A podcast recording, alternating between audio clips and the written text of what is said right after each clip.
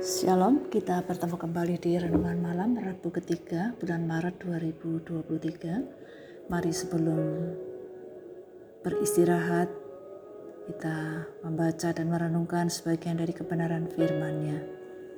Sebelumnya kita berdoa, mohon pertolongan Tuhan. Bapa yang di surga, terima kasih untuk penyertaan dan pertolongan Tuhan dalam kehidupan sepanjang hari ini.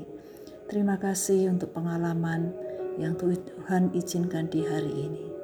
Bapa, kami akan membaca dan merenungkan kebenaran firman-Mu. Kami mohon Roh Kudus Tuhan menolong kami untuk memahami dengan benar, dimampukan untuk menerima apa yang Tuhan mau lakukan melalui kami, dan terus mengandalkan Tuhan, bersandar kepada Tuhan jalan menjalani hidup ini. Terima kasih Bapa, kami berdoa dalam nama Tuhan Yesus. Amin.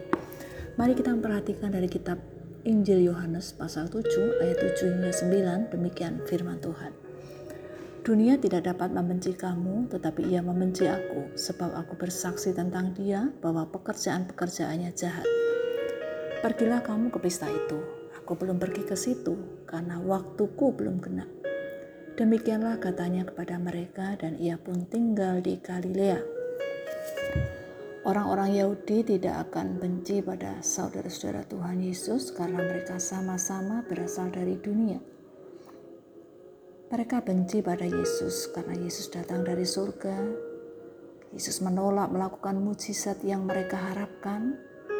Tidak pergi ke Yudea pada hari raya Pondok Daun untuk menyatakan bahwa ia adalah Mesias. Bahkan Yesus telah memberikan kesaksian tentang perbuatan mereka yang jahat yang dilakukan supaya dilihat manusia bukan karena taat pada Tuhan. Pada saudara-saudaranya, Yesus menyarankan supaya mereka pergi pada perayaan pondok daun di Yudea itu. Sedangkan Yesus sendiri tetap tinggal di Galilea karena mereka belum waktunya. Bukan berarti saudara-saudara Yesus dapat memaksa agar pada saat itu Yesus melakukan sesuai dengan yang mereka harapkan. Yesus akan melakukan jika sudah waktunya. Dengan caranya dan waktunya sendiri, Yesus akan menyatakan dirinya sebagai anak Allah dan juru selamat dunia. Bagi saudaranya, selalu ada waktu untuk menyatakan dirinya pada dunia. Yesus menunggu waktu yang sudah ditentukan oleh Bapa. Ingatlah bahwa pada waktunya yang tepat, Tuhan menyatakan rencana dan kehendaknya. Dalam menantikan pertolongan Tuhan, marilah kita tetap berpengharapan hanya pada Tuhan. Tidak memaksakan keinginan sendiri, namun percaya bahwa Tuhan memberikan jawaban atas setiap pergumulan kita pada waktunya. Sabar dalam menghadapi kenyataan sebagai umat Tuhan dengan tetap menyatakan kebenaran sesuai dengan firman Tuhan. Tuhan menolong kita untuk dapat menerima waktu Tuhan dalam hidup kita. Kita berdoa. Bapa yang di surga, terima kasih kembali diingatkan oleh kebenaran firman-Mu bahwa pada waktunya yang tepat Tuhan menyatakan apa yang terbaik menurut Tuhan untuk kami orang-orang percaya.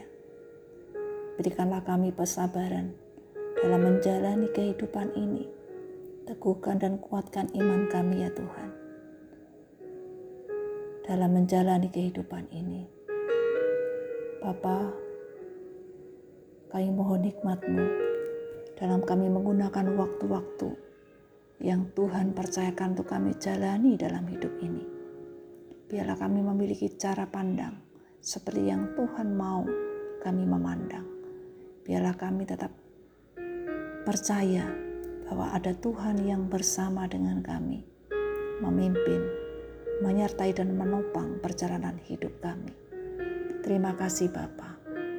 Dalam nama Tuhan Yesus kami berdoa. Amin.